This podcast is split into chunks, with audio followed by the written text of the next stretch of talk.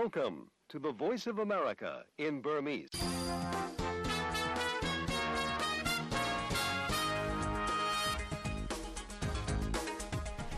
မင်္ဂလာမနက်ခင်းပါခင်ဗျာ2024ခုနှစ် February လ20ရက်အင်္ဂါနေ့မနက်ပိုင်း6နာရီကနေ9နာရီထိ VOA မြန်မာပိုင်းရဲ့ရုပ်သံအစီအစဉ်တွေကို American ပြည်ထောင်စုမြို့တော် Washington DC ကနေထုတ်လွှင့်ပေးနေပါတယ်။ ရေဒီယိုနဲ့ဆိုရင် Light to Meter 32 49 Light မီတာ190အပြင် VOA ရဲ့ YouTube နဲ့ Facebook စာမျက်နှာတွေကလည်း နားဆင်ကြည့်ရှုနိုင်ပါတယ်။ကျွန်တော်ထမောင်သန်းပါ။ရုရှားတိုက်ခိုက်ခေါင်းဆောင်အချင်းတော်နဲ့တည်ဆုံခဲ့တဲ့နောက် ရုရှားကို အရေးယူတန်ခတ်မှုအသစ်လုပ်ဖို့ စဉ်းစားနေတယ်လို့ အမေရိကန်သမ္မတက ပြောပါတယ်။ဂါဇာမှာ လူသားချင်းစာနာမှုအရ စစ်ပွဲကို ချက်ချင်းရပ်ဆိုင်းဖို့ EU ဥရောပသမဂ္ဂ26နိုင်ငံက တောင်းဆို တိုက်တွန်းလိုက်ပါတယ်။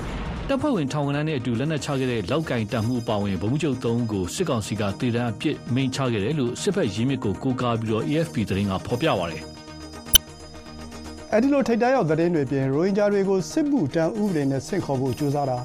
မြေရှားတပ်တုတုဖော်မှုကြောင့်ပတ်ဝန်းကျင်ပျက်စီးလာတာပြည်တွင်းပြည်ပစစ်ဘေးရှောင်နေကြသူတွေအကြောင်းနဲ့စစ်ကောင်စီတိုက်ခိုက်မှုကြောင့်နတ်ဘက်ကကြေးရွာအပြက်စီးသတင်းဆောင်းပါးတွေကိုလည်းကြားကြရမှာဖြစ်ပါတယ်။ ဘတ်စီစီစဉ်မှာတော့သတင်းတော်မတ်စုစီးပွားရေးလူမှုရှုခင်းနဲ့တက်တရောင်သတင်းလွှာတွေကိုရှုစားနားဆင်ကြရပါမယ်အခုတော့ထိတ်တရောက်သတင်းတွေကိုနန်းလောင်ကတင်ပြပါအောင်မယ်ခင်ဗျာ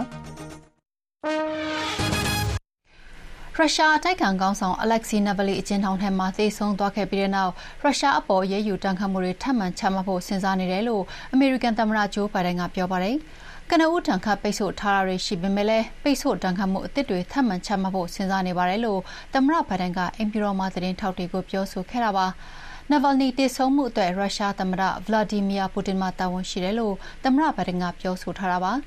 နိုင်ငံတကာလုံခြုံရေးအကူအညီဖြင့်ယူကရိန်း၊တိုင်ဝမ်နဲ့အစ္စရေးတို့ကိုဒေါ်လာ65ဘီလီယံထောက်ပံ့ကူညီနိုင်ရေးသမ္မတဘိုင်ဒန်ကြိုးပမ်းမှုတွေကို Republican အမတ်အတော်များများကဆန့်ကျင်ကန့်ကွက်နေကြချိန်မှာပဲ Navalny သေဆုံးခဲ့တာပါ။ ပါတီနှစ်ရပ်စလုံးရဲ့ထောက်ခံမှုအရဒီမိုကရက်တို့ထိန်းချုပ်ထားတဲ့အထက်လွှတ်တော်မှာအဲဒီမူကြမ်းကိုအတည်ပြုနိုင်ခဲ့ကြပေမယ့်လည်းအောက်လွှတ်တော်လူနည်းစုခေါင်းဆောင် Mike Johnson ကအသုံးစရိတ်မူကြမ်းကိုအောက်လွှတ်တော်မှာမဲပေးအတည်ပြုနိုင်ရေးဆောင်ရွက်တာမျိုးမရှိတဲ့အတွက်နှောင့်နှေးကြန့်ကြာနေတာပါ။သမ္မတဟောင်း Donald Trump ကအခုလိုအကူအညီထပ်ပြီးပေးမှာကိုဆန့်ကျင်ကန့်ကွက်ထားတာကလည်းအကြောင်းရင်းတခုဖြစ်ပါတယ်။ ဥရောပသမဂ္ဂ EU အဖွဲ့ဝင် ၂၆ နိုင်ငံတို့က ဂါဇာဒေသကစစ်ပွဲကို လူသားချင်းစာနာမှုအရ ချက်ချင်းရပ်တန့်ဖို့ ရာဖာမြို့ကို တိုက်ခိုက်နေတာတွေ ချက်ချင်းရပ်ဖို့ ဖေဖော်ဝါရီလ ၁၉ ရက် တနင်္လာနေ့မှာ တောင်းဆိုလိုက်ကြတာကြောင့် EU နိုင်ငံခြားရေးမူဝါဒအကြီးအကဲ Josep Borrell က ပြောပါတယ်။ ဂါဇာဒေသစစ်ပွဲတွေရေရှည်ရပ်တန့်သွားစေမယ့်အပစ်အခတ်ရပ်စဲမှုချက်ချင်းစတင်ဖို့ဖမ်းဆီးထားတဲ့ဓားစာခံတွေကိုခြွင်းချက်မရှိပြန်လွှတ်ဖို့လူသားချင်းစာနာမှုအကူအညီတွေထပ်မံပေးပို့ခွင့်ပြုဖို့လည်း EU နိုင်ငံခြားရေးဝန်ကြီးတွေရဲ့ထုတ်ပြန်ချက်မှာတောင်းဆိုထားပါတယ်။ဒီတောင်းဆိုချက်ကိုလက်မှတ်မထိုးတဲ့တခုတည်းသောအဖွဲ့ဝင်နိုင်ငံနာမည်ကိုတော့ Mr. Borrell ကပြောမသွားပေမဲ့လည်းပြီးခဲ့တဲ့ရက်ပိုင်းကအလားတူထုတ်ပြန်ချက်ကိုဟန်ဂေရီနိုင်ငံကသဘောမတူပယ်ချခဲ့ဖူးတယ်လို့သံတမန်အတိုင်းအဝိုင်းကပြောပါတယ်။ ကာဆာဒေသတောင်ဘက်စွန်းကမြို့ကို အစ္စရေးတပ်တွေ မြေပြင်ထိုးစစ်ဆင်မှုတွေ အရှိန်မြင့်ဖို့ ပြင်ဆင်နေတာပါ။အဲ့ဒီမြို့ဟာ9လနီးပါးရှိလာပြီဖြစ်တဲ့စစ်ပွဲမှာ ဟာမတ်စ်တို့ထိန်းချုပ်ထားတဲ့ နောက်ဆုံးလက်ကျန်နေရာတစ်ခုလည်းဖြစ်ပါတယ်။ကွ ယ်လွန်သွားပြီဖြစ်တဲ့ ရုရှားအတိုက်အခံခေါင်းဆောင် Alexei Navalny ရဲ့ ကျန်ရစ်သူဇနီးသည် Yulia Navalnaya က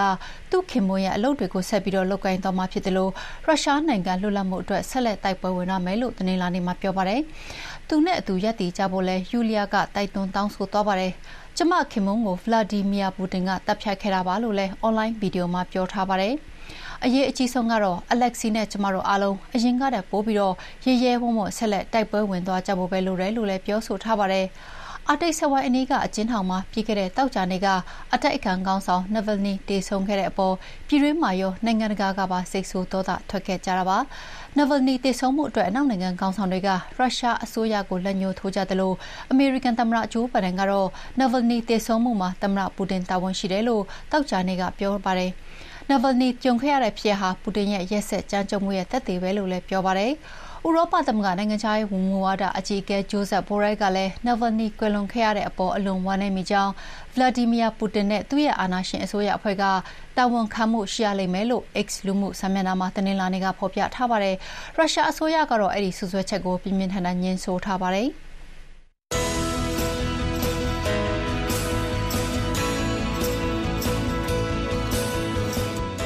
VOA American အတန်းမနေ့ဖက်မြန်မာဘာသာအစီအစဉ်တွေကိုမနေ့6နာရီကနေ9နာရီထိလိုင်းဒိုမီတာ32 kHz 9335နဲ့9383ညလှိုင်းဒိုမီတာ49 kHz 6153ညပထမနာရီဝက်မှာလှိုင်းလံမီတာ190 kHz 1505တို့ကနေပြီးထုတ်လွှင့်ပေးနေပါတယ်ခင်ဗျာ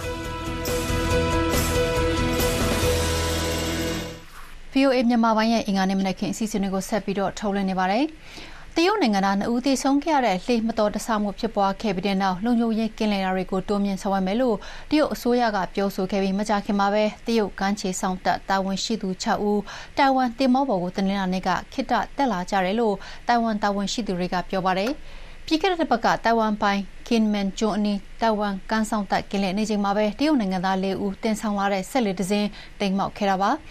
ဆက်လေပေါ်ပါလာတဲ့လူလေးဦးစလုံးရေထဲခုန်ချခဲ့တာမှာသူတို့ထဲကနှစ်ဦးကတော့နောက်ပိုင်းမှာတိတ်ဆုံးသွားပါတယ်ကဲတင်ထားတဲ့ကျန်နှစ်ဦးကိုတော့ကင်မန်ကျွန်းမှာပဲထိန်းသိမ်းထားပါတယ် တာဝန်ကတော့တားမြစ်ရေးပြင်းတဲ့နမိတ်ထဲဆက်လေဝင်လာတဲ့အတွက်အခုလိုဆောင်ရွက်ရတာဖြစ်တယ်လို့ကာကွယ်ပြောဆိုထားပါတယ်။တရုတ်နိုင်ငံကလည်းဒေသရင်းလုံခြုံရေးအတွက်ကင်းလက်စစ်ဆေးတာတွေကိုတွန်းမြင့်ဆောင်ရွက်မယ်လို့ပြောပါတယ်။ခရီးသည်23ဦးနဲ့တင်မောသား17ဦးလိုက်ပါလာတဲ့အပျော်စီတင်မောဘော်ကိုတက်လာတဲ့တရုတ်ကမ်းဆောင်တန်အရာရှိတွေကတင်မောလန်ကြောင်းတင်မောလိုင်းစင်ကပတိန်နဲ့တင်မောသားတွေရဲ့လိုင်းစင်တွေကိုစစ်ဆေးခဲ့တယ်လို့လည်းတိုင်ဝမ်ကကြေညာချက်ထုတ်ပြန်ပါတယ်။ အာဖဂန်နစ္စတန်နိုင်ငံအရှေ့ပိုင်းနူရီစတန်ဒေသမှာနှင်းတွေအကြီးအကျယ်ကျဆင်းခဲ့တာကြောင့်မြေပြိုရွာကလူ25ဦးထက်မနည်းသေဆုံးပြီးတော့10ဦးထက်မနည်းထိခိုက်ဒဏ်ရာရခဲ့ကြပါတယ်။မြေကြီးတွေနှင်းတို့နဲ့အပြက်အစီအပိုင်းစားတွေကနူရီစတန်အရက်ကတာတင်တောင်ကြားထက်ကိုတနင်္ဂနွေနေ့ညကပြိုကျစီစဉ်လာတာကြောင့်အခုလိုထိခိုက်သေဆုံးရတာဖြစ်တယ်လို့တဘာဝဘေးဒဏ်ဆိုင်ရာစီမံခန့်ခွဲရေးဌာနပြောခွင့်ရဂျာနာဆတ်ကတနင်္လာနေ့မှာပြောပါတယ်။သေဆုံးသူအရေအတွက်ထပ်တိုးလာနိုင်ခြေရှိတယ်လို့လည်းပြောခွင့်ရသူက AFP သတင်းဌာနကိုပြောပါတယ်။ ပါကစ္စတန်နိုင်ငံနဲ့နယ်စပ်ချင်းထိစပ်နေတဲ့နာရီစတန်ဒေသဟာ တောတောင်ထူထပ်တဲ့အရပ်လည်းဖြစ်ပါတယ်။နှင်းတွေတိတ်တဲစွာကျနေတဲ့အတွက်အဓိကလမ်းမကြီးတစ်ခုပိတ်နေသလိုတိမ်တွေထူပြီးတော့မိုးတွေပါရွာနေတဲ့အတွက်ရဟရင်တွေလည်းမစင်နိုင်ပဲကုညီကဲဆယ်ရေးနှောင့်နှေးနေရတယ်လို့ဒီတန်ត្រတာဝန်ရှိသူတွေကပြောပါတယ်။ရှာဖွေကယ်ဆယ်ရေးသမားတွေဟာနှင်းတွေအဆက်မပြတ်ကျနေတဲ့ကြားမှာပဲအပြက်အစီးပုံတွေအောက်ကလူတွေကိုရရပစ္စည်းကိရိယာတွေနဲ့တူးထုတ်ကဲတင်နေရတယ်လို့လည်းအရာရှိတွေကပြောပါတယ်။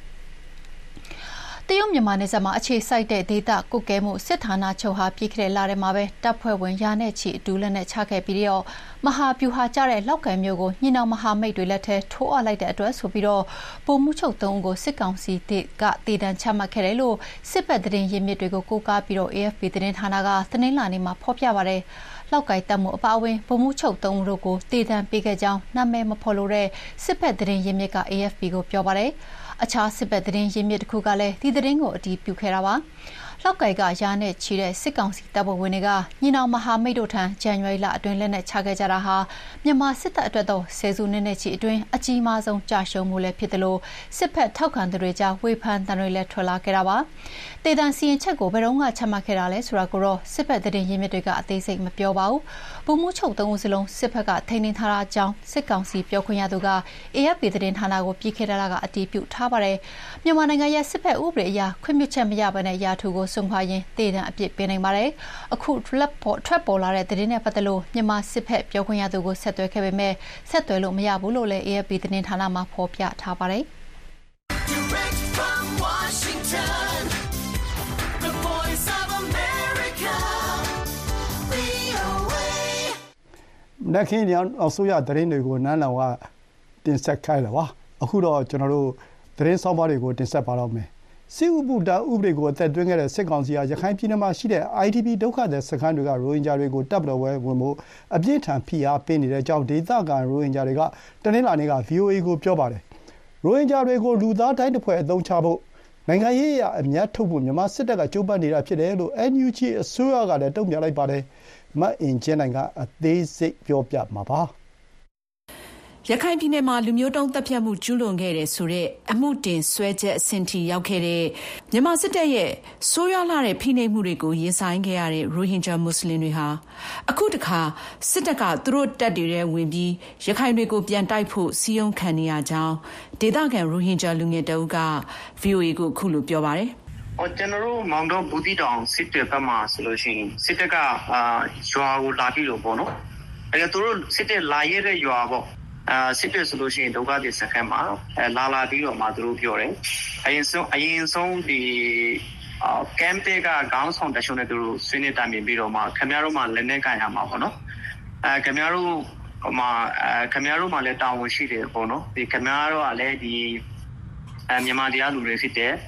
အဲ့တော့ဒီခင်ဗျားတို့အခွင့်အရေးကိုခင်ဗျားတို့မှပဲဒီလက်နက်ခံပြီးတော့လောက်ရမယ်ဆိုတာပြောပြောနေတာတွေ့ရတယ် ဒါ့အပြင်မောင်းတော်ဒေသမှာဆိုရင်မြန်မာစစ်တပ်ကရိုဟင်ဂျာတွေကိုချင်းချောက်ပြီးမဖြစ်မနေတက်ထဲဝင်ဖို့ဖိအားပေးနေကြောင်းလဲသူကအခုလိုပြောပါတယ်ဒီ February 10စနေအဲ့ရှိအဲ့ရက်တွေမှာကြတော့ဒီစီကောင်စီကပေါ့သူတို့တွားရတဲ့နေရာကိုတွားပြီးတော့မှအဲပြောဟာမှုဘူမှုဘူကြီးအစင်းရှိတဲ့ဒီ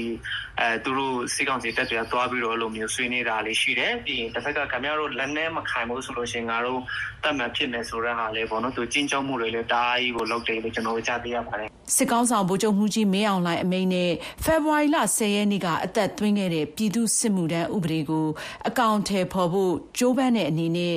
ပြီးခဲ့တဲ့သတင်းဘက်ကစပြီးစစ်တွေ IDP ရိုဟင်ဂျာဒုက္ခသည်စခန်းတွေနဲ့မောင်းတော်ဒေသကရွှေစား ဒို့ညောင်ပင်ကြီးစတဲ့ ရိုဟင်ဂျာရွာတွေမှာ စစ်တပ်ဗျူဟာမှုအဆင့်အပါအဝင် အခြားစစ်တပ်အရာရှိကြီးတွေကိုယ်တိုင် ရိုဟင်ဂျာအသိုင်းအဝိုင်းခေါင်းဆောင်တွေကို ဖုန်းဆက်တာတွေ့ဆုံပြောဆိုစည်းရုံးနေတာတွေရှိနေတယ်လို့ VOA ကစုံစမ်းသိရှိရပါတယ်။ ရိုဟင်ဂျာတွေကို စစ်တပ်ထဲဝင်ဖို့ စစ်ကောင်စီက ကြိုးပမ်းနေတဲ့အပေါ် စောစောကပြောသွားတဲ့ ရိုဟင်ဂျာလူငယ်က အခုလို တုံ့ပြန်ပါတယ်။ကျွန်တော် ရိုဟင်ဂျာလူငယ်တယောက်အနေနဲ့ ပြောမယ်ဆိုလို့ရှိရင် ဒီစစ်တပ်ဒီဘုံရင်သူဖြစ်တယ်ပေါ့နော် ဒီစစ်ကောင်စီဒီဘုံရင်သူဖြစ်တယ် ရိုဟင်ဂျာကမခဘူးပေါ့နော်ဒီမြန်မာပြည်တပြေလုံးကို သူတို့ရရဆက်ဆက်တပ်ဖြတ်နေတာစေစုနေပေါင်းများစွာကြော်ပြီပေါ့နော် တန်နိုင်ငံလုံးကိုဒီရရဆက်ဆက်တပ်ဖြတ်နေတဲ့ စစ်တပ်က အခုလာပြီးတော့မှ ကျွန်တော်တို့ကို လက်နက်တပ်ဆင်ပေးတယ်ဆိုတာက အဲဘယ်လောက်ကြီးရုပ်ထီးရှိသလဲဆိုတာလည်းကျွန်တော်မှစဉ်းစားဖို့လိုတယ်ဒုတိယချက်ကဟုတ်ပြီကျွန်တော်တို့ဒီ Arkan ဆိုတဲ့ data မှာပေါ့နော်ကျွန်တော်တို့ဒီစစ်တပ်နဲ့ပေါင်းပြီးတော့မှတခြား community တွေရှိတဲ့ရခိုင်ရိုဟင်ဂျာချက်ခမပေါ့နော်ဒီလူမျိုးပေါင်းစုလူနည်းစုအားလုံးနဲ့ကျွန်တော်တို့တဟဇာတာရှိရှိတောက်ရင်းချင်းရှိကိုကျွန်တော်တေဆိုးလို့ရမလားပေါ့နော်အဲ့ဒါလည်းရန်စင်းစားဖို့လိုတယ်လို့ကျွန်တော် အဲပြောရှင်ပါတယ်တတိယချက်ကဘာလဲဆိုလို့ရှိရင်ဒီစစ်တပ်ဒီအဲကျွန်တော်တို့ကိုဒီလိုမျိုးချစ်လို့တာဒီလိုမျိုးလက်နက်တက်ဆင်ပေးပြီးတော့မှ training တွေပေးပြီးတော့မှသူတို့ရှိလို့မဟုတ်ဘူးသူတို့ရဲ့အဖြစ်အပြင်းနဲ့ကန်လူဒန်းစားရိုဟင်ဂျာကိုပေါ့နော်ဒီ genocide ကန်ရတဲ့ရိုဟင်ဂျာကိုသူတို့ရဲ့စစ်ကောင်စီရချိုးစစ်ပွားအတွက်အချို့အချို့မြတ်တော့ဖို့တဲ့ရိုဟင်ဂျာကိုတုံးရှားနေတာဖြစ်တယ် အခုလို ရိုဟင်ဂျာတွေကို မြန်မာစစ်တပ်ထဲဝင်ဖို့ အတင်းကျပ် ဖိအားပေးနေတယ်ဆိုတဲ့ သတင်းတွေနဲ့ ပတ်သက်လို့ စစ်ကောင်စီပြောခွင့်ရကို VOA ကဆက်သွယ်ဖို့ ကြိုးစားပေမဲ့အခုသတင်းကြေညာချိန်အထိ ဆက်သွယ်လို့ မရသေးပါဘူး။စစ်မှုထမ်းဥပဒေကို လိုက်နာဖို့ ချော့တလဲ၆တလဲလုပ်နေတဲ့ စစ်ကောင်စီလုပ်ရက်ကို ရိုဟင်ဂျာတွေအနေနဲ့ ပြက်ပြက်သားသား ဆန့်ကျင်ဖို့လိုကြောင်း NUG အမျိုးသားညီညွတ်ရေးအစိုးရ လူ့အခွင့်အရေး ဒုဝန်ကြီး ဦးအောင်ကျော်မိုးက VOA ကိုခုလိုပြောပါတယ် အဲ့တော့ရိုဟင်ဂျာရက်သားတွေလက်ထဲကိုဒီလက်နက်တက်ဆင်ပြီးမှတော့မဟုတ်ဘူးသူတို့နီးမျိုးစုံတွေကတော့ဒီနေရာမှာလူသားအဲဒီဒီတိုင်းတပွေနိုင်ငံရေးခင်းချင်းမှာအသုံးချဖို့ကြိုးစားနေတဲ့ဒီအရာဖြစ်ပါတယ်ပေါ့စစ်ကောင်စီကအဲ့လိုမျိုးဖိအားပေးပြီးတော့ပဲဖြစ်ဖြစ်အဲချောမော့ပြီးတော့ပဲဖြစ်ဖြစ်အဲဟိုဟာလှုပ်လာခဲ့သည်ရှိတော့ကျွန်တော်တို့အနေနဲ့ဒါတွေကို ပြက်ပြက်တသားနဲ့ငင်းမှုလိုတယ်ဟုတ်ကဲ့အဲ့ဒါဆိုရင်ဒီရိုဟင်ဂျာတွေကိုမြန်မာစစ်တပ်ကသူတို့တက်ထဲဝင်ဖို့လိုက်ပြီးစီးရုံးနေတဲ့အကြောင်းရင်းကိုဘယ်လိုမြင်လဲရှင်အဓိကကတော့တိုက်တိုင်းရှုံးနေတယ်မြေပြင်မှာသူတို့မှာလူလူစွမ်းအရေးမြစ်ကမရှိသလောက်အဲနေပါတယ်ပေါ့အဲ့ဒီအတွက်နောက်ဆုံးသူသူထွက်ပေါက်ရှာတဲ့ခါကျရင်ဒီဒီအဲဒုက္ခဒုက္ခပေါင်းများစွာနဲ့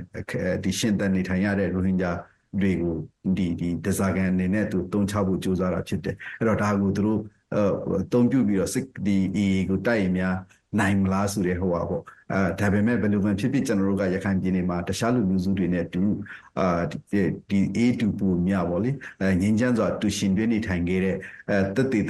တာတကဒီတမိုင်းထောက်ထားတွေလည်းကျွန်တော်တို့အများကြီးရှိတဲ့အတွက်ကြောင့်မလို့ကျွန်တော်တို့ဒီဒီစစ်ကောင်စီရဲ့အခုလိုလုပ်ရက်ကတော့ဘယ်လိုမှအလုပ်ဖြစ်မဲ့ရမဟုတ်ပါဘူးခင်ဗျ ပြီးခဲ့တဲ့နှစ် နိုဝင်ဘာလက စတင်ခဲ့တဲ့ စစ်ကောင်စီနဲ့ရခိုင်တပ်တော် AA ကြား တိုက်ပွဲတွေဟာ ဆက်ပြီး ပြင်းထန်နေသလို ရိုဟင်ဂျာရွာတွေမှာ အခြေစိုက်တဲ့ AA တပ်တွေကို စစ်ကောင်စီက အပြင်းထန် ပစ်ခတ်တိုက်ခိုက်ခဲ့တာကြောင့် ဇန်နဝါရီနဲ့ ဖေဖော်ဝါရီလတွေအတွင်း ရိုဟင်ဂျာအရက်သား ဒါဇင်နဲ့ချီတေဆုံးခဲ့ကြောင်း ဒေသရင်း လူခွင့်ရေး အဖွဲ့အစည်းတွေက ထုတ်ပြန်ကြေညာထားပါတယ်ရှင်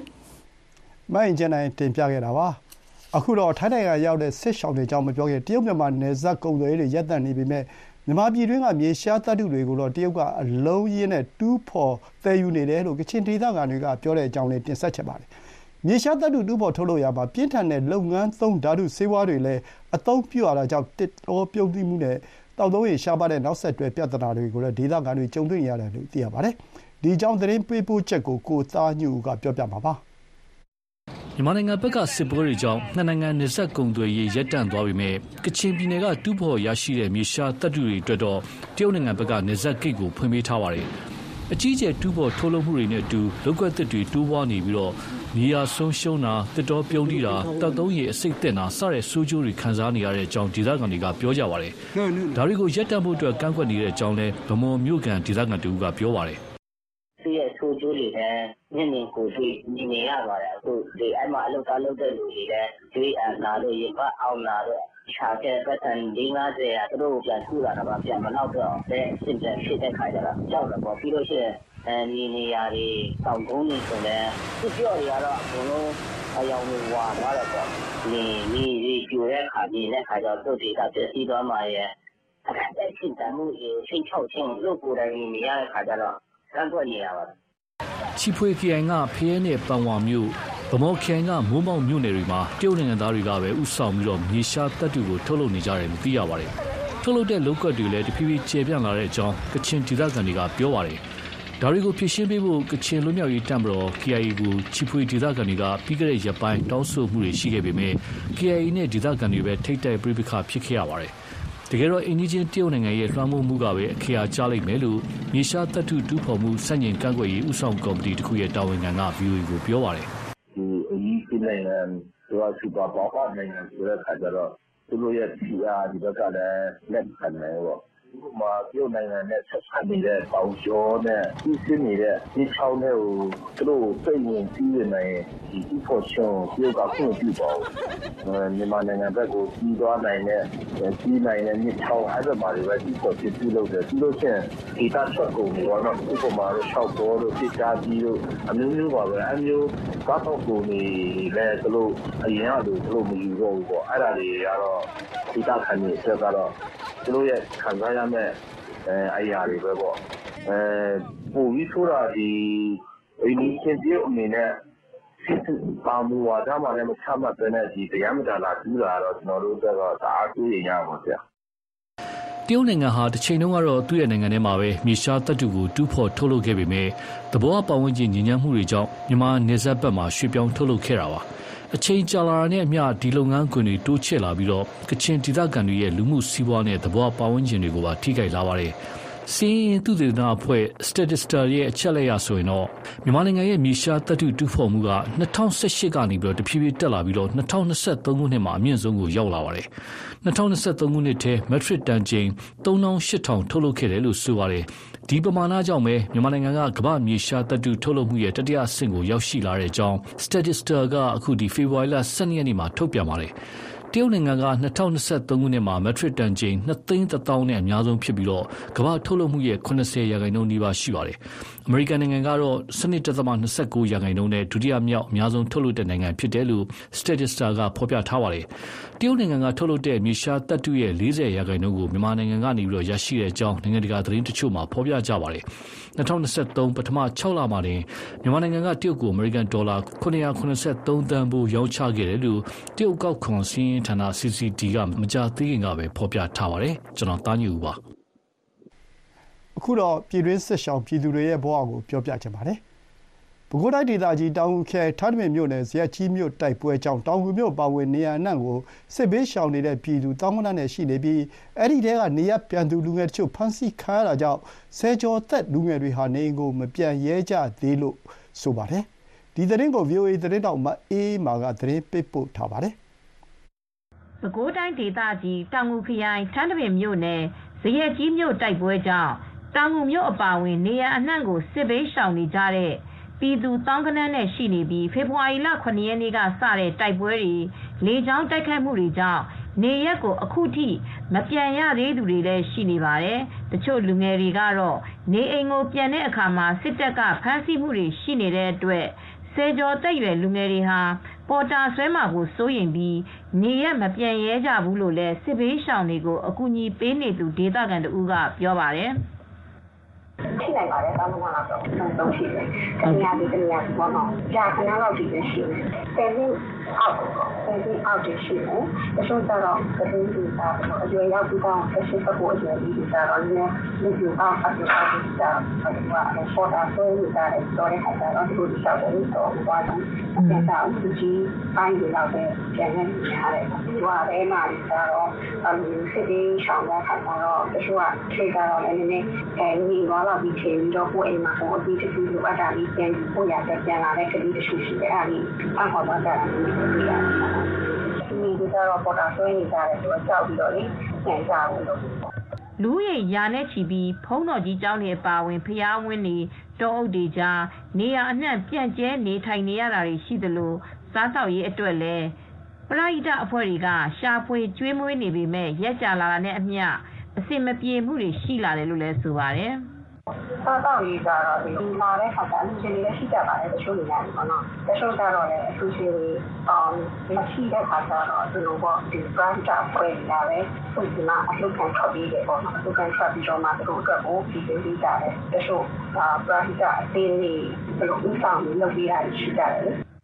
စစ်ဘေးရှောင်သူအများစုဟာတောင်ငူမြို့ပေါ်ကိုရှောင်တိန်လာကြပြီးအများစုကြီးအတွက်ဆေးဝါးနဲ့စားနပ်ရိက္ခာအရေးပေါ်လိုအပ်နေတယ်လို့လည်းဆိုပါတယ်။ ဇရက်ကြီးနယ်မြေအတွင်းမှာလေကြောင်းတိုက်ခတ်မှုလက်နက်ကြီးတွေနဲ့ပစ်ခတ်မှုတွေကြောင့်ပို့တိုင်းရင်းသားတွေအများစုနေထိုင်ရာနေရာတွေမှာဒေသခံအမျိုးသမီးတွေအပါအဝင်ထိခိုက်ဒေဆုံးမှုတွေ100ကျော်လောက်ရှိပြီးပြည်သူပိုင်နေအိမ်အများအပြားမီးလောင်ပျက်စီးခဲ့ရကြောင်းပို့အမျိုးသားဖက်ဒရယ်ကောင်စီ PNFC ကလည်းသတင်းထုတ်ပြန်ထားပါတယ်။အဲ့ဒီနယ်မြေမှာစစ်တပ်ကနေရာယူထားတဲ့အတွက်ထိခိုက်သေးဆုံးတဲ့စည်ရင်အတိအကျနဲ့ပတ်သက်လို့မရသေးကြောင်း တချို့အလောင်းတွေကိုလည်းသွားကြည့်လို့တော့မရဘူးဆိုပြီးစစ်ဘေးရှောင်တွေကိုအကူအညီပေးနေသူတွေကပြောပါတယ်။တချို့ကတော့သေဆုံးပျောက်ဆုံးတာတွေရှိပြီးမိသားစုတွေတကွဲတပြားတွေဖြစ်နေသေးတယ်လို့လည်းဆိုပါတယ်။ကရင်မျိုးသားစီယုံ KNU ရဲ့ဇန်နဝါရီလ18ရက်နေ့ထုတ်ပြန်ချက်အရ KNU တပ်မှနှစ်ထိန်းချုပ်ထားတဲ့နေရာမှာပြီးခဲ့တဲ့နှစ်ဒီဇင်ဘာလကုန်ထိစစ်ဘေးရှောင်သူ2000ကျော်ရှိနေပြီးသားဖြစ်တယ်လို့လည်းထုတ်ပြန်ထားပါတယ်ရှင်။မအေးအေးမာတင်ပြခဲ့တာပါ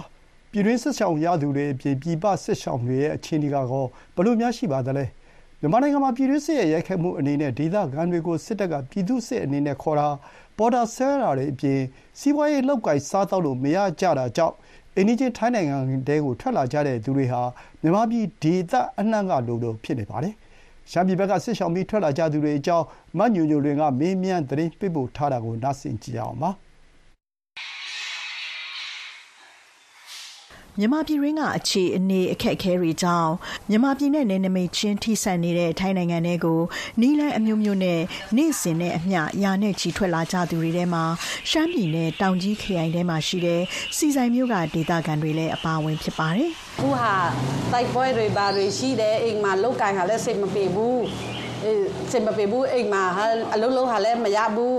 စီပွားရှိတာဆိုအိမ်မလဲနေတာလည်းစိတ်မပြေဘူးဒီစမ်းပီမှာ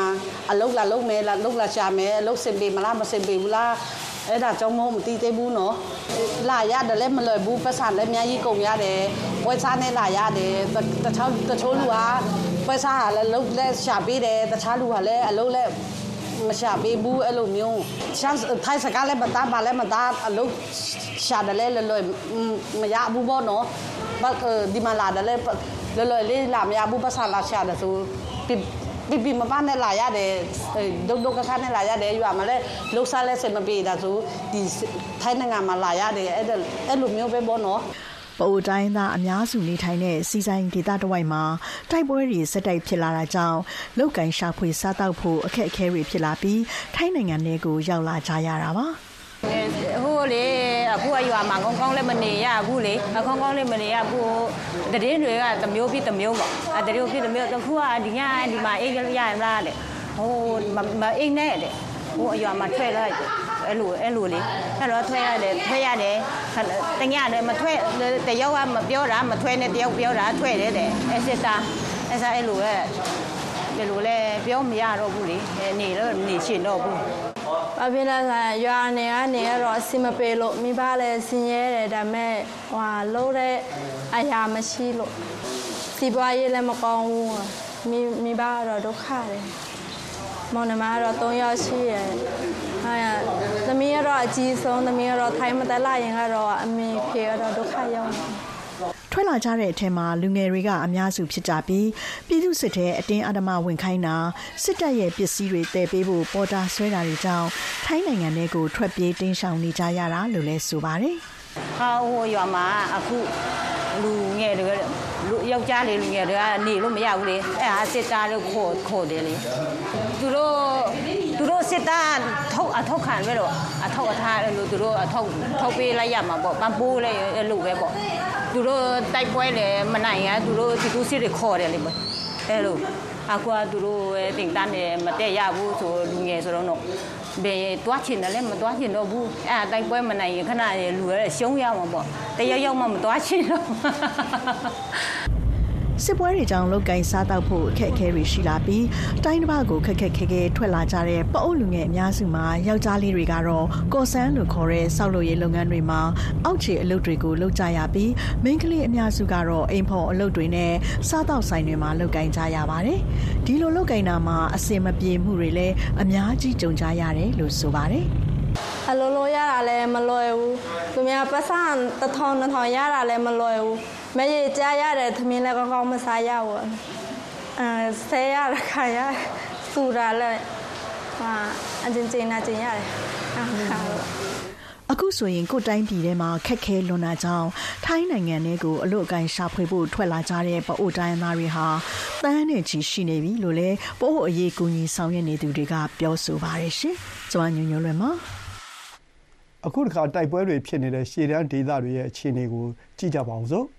မြန်မာနိုင်ငံ ရှမ်းပြည်နယ်မြောက်ပိုင်းမှာ မြောက်ပိုင်းမဟာမိတ်သုံးဖွဲ့နဲ့ စစ်ကောင်စီကြား အပစ်အခတ်ရပ်စဲရေး သဘောတူထားပေမဲ့ တချို့နေရာတွေမှာ တိုက်ခိုက်ပစ်ခတ်မှုတွေက ရှိနေဆဲပါ။ KIA ကချင်လွတ်မြောက်ရေးတပ်က သိမ်းယူထားတဲ့ နမ့်ဖတ်ကာကျေးရွာဟာဆိုရင်လည်း တလကျော်ကြာ တိုက်ပွဲဖြစ်ပွားခဲ့ပြီး လက်နက်ကြီးနဲ့ ပစ်ခတ်ခံရတာ၊လေကြောင်းက ဗုံးကြဲခံရတာတွေကြောင့် တမြို့လုံးနီးပါး ပျက်စီးသွားတဲ့အကြောင်း ဒေသခံတွေက ပြောပါတယ်။ AFP သတင်းဆောင်းပါးကို အခြေခံပြီး ကိုငြိမ်းချမ်းက ပြောပြမှာပါ။ လက်နက်ကြီးနဲ့အပစ်ခံရတာ၊လေယာဉ်နဲ့ဗုံးကြဲခံရတာတွေကြောင့်ပျက်စီးခဲ့ရတဲ့အိမ်တွေကြားကျန်တာတွေပြန်ကောက်ယူရင်းမိသားစုထမင်းစားဖို့ပြင်ဆင်နေကြတာပါ။နမ့်ဖတ်ကာကျေးရွာကတပ်စခန်းကိုသိမ်းယူဖို့ KIA ကချင်လွတ်မြောက်ရေးတပ်နဲ့စစ်ကောင်စီအကြားတလကျော်ကြာတိုက်ပွဲဖြစ်ပွားခဲ့ပြီးဇန်နဝါရီလနှောင်းပိုင်းမှာသိမ်းယူနိုင်ခဲ့တာပါ။ဒီတိုက်ပွဲတွေကြောင့် နန်းမေနဲ့သူ့မိသားစုဟာအသစ်ဆောက်ထားတဲ့သူတို့အိမ်ကလေးကိုစွန့်ခွာပြေးခဲ့ရတယ်လို့အခုလိုပြောပါတယ်။ဒီလိုလေရင်တွေလေရင်တန်တွေကြားနေတော့နေ့တိုင်းညတိုင်းရွာတော့ပြက်စီးကုန်ပြီလို့စိတ်ထဲမှာတော့ခံစားရတယ်။ရွာတွေကတော့တကယ်ပြက်စီးကုန်ပြီလို့တကယ်ရွာထဲဝင်လာတော့လေတကယ်ဒီရက်ွက်တစ်မှာဆိုရင်ဟိုဘက်ရွာမှာဆိုရင်တကယ်အကုန်လုံးကိုပြက်စီးကုန်တာပဲ။အဲ လာကြည့်လိုက်တကယ်ဝန်းနေစရာတွေအားကိုဝန်းနေတယ်ဒီအိမ်ဆိုရင်လည်းမနေရသေးဘူးရှင်ဒီအိမ်ကမနေရသေးဘူးလှုပ်ရလှုပ်ပြီးမှမနေရသေးဘူးအဲ့ဒါထိခိုက်သွားတာပေါ့နော်နောက်ပြီးတော့ကျမတို့နံပါတ်ကဒီရက်ွက်တစ်ရက်ွက်တစ်အများဆုံးတအိမ်မှနေလို့မရတဲ့အထီကိုဖြစ်တယ်လာရှိုးမူဆယ်ပြည်တော်စုလမ်းမပေါ်ကနန်းဖက်ကကြေးပါကို KIA ကသိမ်းပြီးတဲ့နောက် ပြန်လာကြတဲ့ဒေသခံတွေအနေနဲ့အခက်အခဲမျိုးစုံကိုရင်ဆိုင်နေရပါတယ်။အစားအသောက်ကုန်စည်နှုန်းကြီးမြင့်တာကအစအလုတ်ကင်ရှားပါမှုကိုလည်းရင်ဆိုင်နေရတဲ့အကြောင်းဒေသခံတူကအခုလိုပြောပါတယ်။ဒါဥခံစားရပါတယ်ဒုက္ခတွေများလို့လို့ဒီလိုမျိုးဖြစ်လိမ့်မယ်လဲလုံးဝမစင်စားခဲ့ပါဘူး။ကျမတို့လည်းတနိုင်တစ်ပိုင်လေးဆန်လေးစီလေးပါတော့ထားခဲ့တဲ့အားလေအိမ်ရောက်တော့စားရအောင်ဆိုထားခဲ့တာလေအပြန်ကြတော့တခုမှမကြမ်းပါဘူးဆရာအကုန်လုံးများဖောက်ယူသွားကြပါ အိမ်လည်း၃ခါလောက်ဖောက်ပါလေနင်းတူနဲ့တူမဆုံးသွားပြီကားပေါ်မှာတို့အဲ့လိုမျိုးလာပြောပါတယ်နင်းတူကတော့ကားပေါ်မှာခုထိအလောင်းမထုတ်သေးဘူးတဲ့အနံ့အောင်ထွက်နေပြီတဲ့အဲ့လိုကလူချုံကလာပြောတာဟိုတူမလေးတယောက်ကတော့ဟိုးနမွေးဆိုတဲ့ရေစင်မှာနှစ်ရက်လောက်နေမှဆုံးသွားတယ်တဲ့နောက်လက်ထိတဲ့တယောက်ကြတော့သူတို့ကဟိုဟာတီးမဆေးရုံကိုပို့လိုက်တယ်လို့တော့လာပြောတယ်2021ခုနှစ်ဆေးအာနာသိမ်းမှုနောက်ပိုင်း ပရိပခတွေကြောင့် လူထောင်နဲ့ချီ အသက်ခံခဲ့ရပြီး လူနှစ်တန်းလောက်ဟာ နေရဲစွန့်ခွာ ထွက်ပြေးနေရတယ်လို့ ကုလသမဂ္ဂက ပြောပါတယ်။မြောက်ပိုင်းမဟာမိတ်သုံးဘွဲ့ရဲ့ အောက်တိုဘာ29စစ်စင်ရေး စတင်အပြီး ရှမ်းပြည်နယ်မြောက်ပိုင်းက နယ်မြေအများအများကို စစ်ကောင်စီအနေနဲ့ လက်လွတ်ခဲ့ရသလို တရုတ်နိုင်ငံနဲ့ နယ်စပ်ကုန်သွယ်ရေးလည်း ရပ်ဆိုင်းခဲ့ရပါတယ်။ဒီစစ်စင်ရေးကြောင့် နိုင်ငံတော်ဝန်စစ်အာဏာသိမ်းမှုကိုစန့်ကျင်တဲ့ ပြည်သူ့ကာကွယ်ရေးတပ်ဖွဲ့ PDF တွေအနေနဲ့ အားတက်ပြီး စစ်ကောင်စီကို တိုက်ခိုက်မှုတွေလည်း တိုးလာခဲ့ပါတယ်။အခုလို အခြေအနေတွေကြား မြန်မာနိုင်ငံအတွင်းက လူငယ်အမျိုးသမီး အမျိုးသားတွေ မဖြစ်မနေ စစ်မှုထမ်းဖို့ ပြည်သူစစ်မှုထမ်းဥပဒေကိုလည်း စစ်ကောင်စီက ဖေဖော်ဝါရီလ10ရက်နေ့မှာ အသက်ဝင်တယ်လို့ ပြဋ္ဌာန်းခဲ့ပါတယ်ခင်ဗျာ မသေးချာမရေရာမှုတွေနဲ့ ပြည့်နှက် အပြောင်းအလဲတွေများတဲ့ကဘာကြီးမှာ ကျမတို့ ကြားသလို မြင်သလို ဖြစ်မလာတဲ့အခါ အမှန်တရားကိုရှာဖွေကြရပါတယ်တည်င်းကိုတပိုင်းတစပဲကြားသိရတဲ့အခါအယုတ်အကြီးမဲ့သွားနိုင်ပါတယ်အချက်အတဲကာလတွေမှာကျမတို့ရဲ့အိမ်မက်တွေမျောလင်းချက်တွေပိုကောင်းတဲ့မနှက်ဖြန်တွေကိုတောင်းကြမိတာတွေကတည်င်းလွတ်လပ်ခွင့်ပေါ်မှာမူတည်နေပါတယ်ကျမတို့ VOA ကအန်ဒီရဲ့ဂျားကတည်င်းတွေကိုတင်ဆက်ပေးနေပါတယ် ကဘာကြီးနဲ့ချိတ်ဆက်ပေးပြီးအမှန်တရားကိုစောင့်ကျင်းပေးနေပါတယ်။ VOA American အတန်းကတည်င်းမှန်တွေကိုဗတ်ပေါင်းစုံကတင်ပြပေးနေပါတယ်ရှင်။ VOA ရုပ်သံကနေအင်္ဂါနေ့မနက်ပိုင်းအစီအစဉ်တွေကိုဆက်လက်ထုတ်လွှင့်နေပါတယ်။ရေဒီယိုနဲ့ဆိုရင်လိုင်းဒိုမီတာ32 49နဲ့လိုင်းလမီတာ190အပြင် VOA ရဲ့ YouTube နဲ့ Facebook စာမျက်နှာတွေကလည်းတိုက်ရိုက်နားဆင်ကြည့်ရှုနိုင်ပါတယ်။ ခုတော့အပတ်စဉ်အစီအစဉ်တွေကိုသတင်းတောက်ပတ်စုနဲ့စတင်ပါတယ်။မြန်မာနိုင်ငံမှာအာဏာသိမ်းစစ်ကောင်စီစတင်အကောင်အထည်ဖော်နေတဲ့ပြည်သူ့စစ်မှုထမ်းဥပဒေကိုဝေဖန်မှုတွေအမျိုးမျိုးရှိနေသလိုပြည်တွင်းမှာရှိတဲ့လူငယ်လူရွယ်တွေကြားမှာလည်းစိုးရိမ်မှုတွေရှိနေပါတယ်။ရန်ကုန်ကသတင်းထောက်မစုကိုကိုသားညွန့်ဦးတင်ပြထားပါတယ်။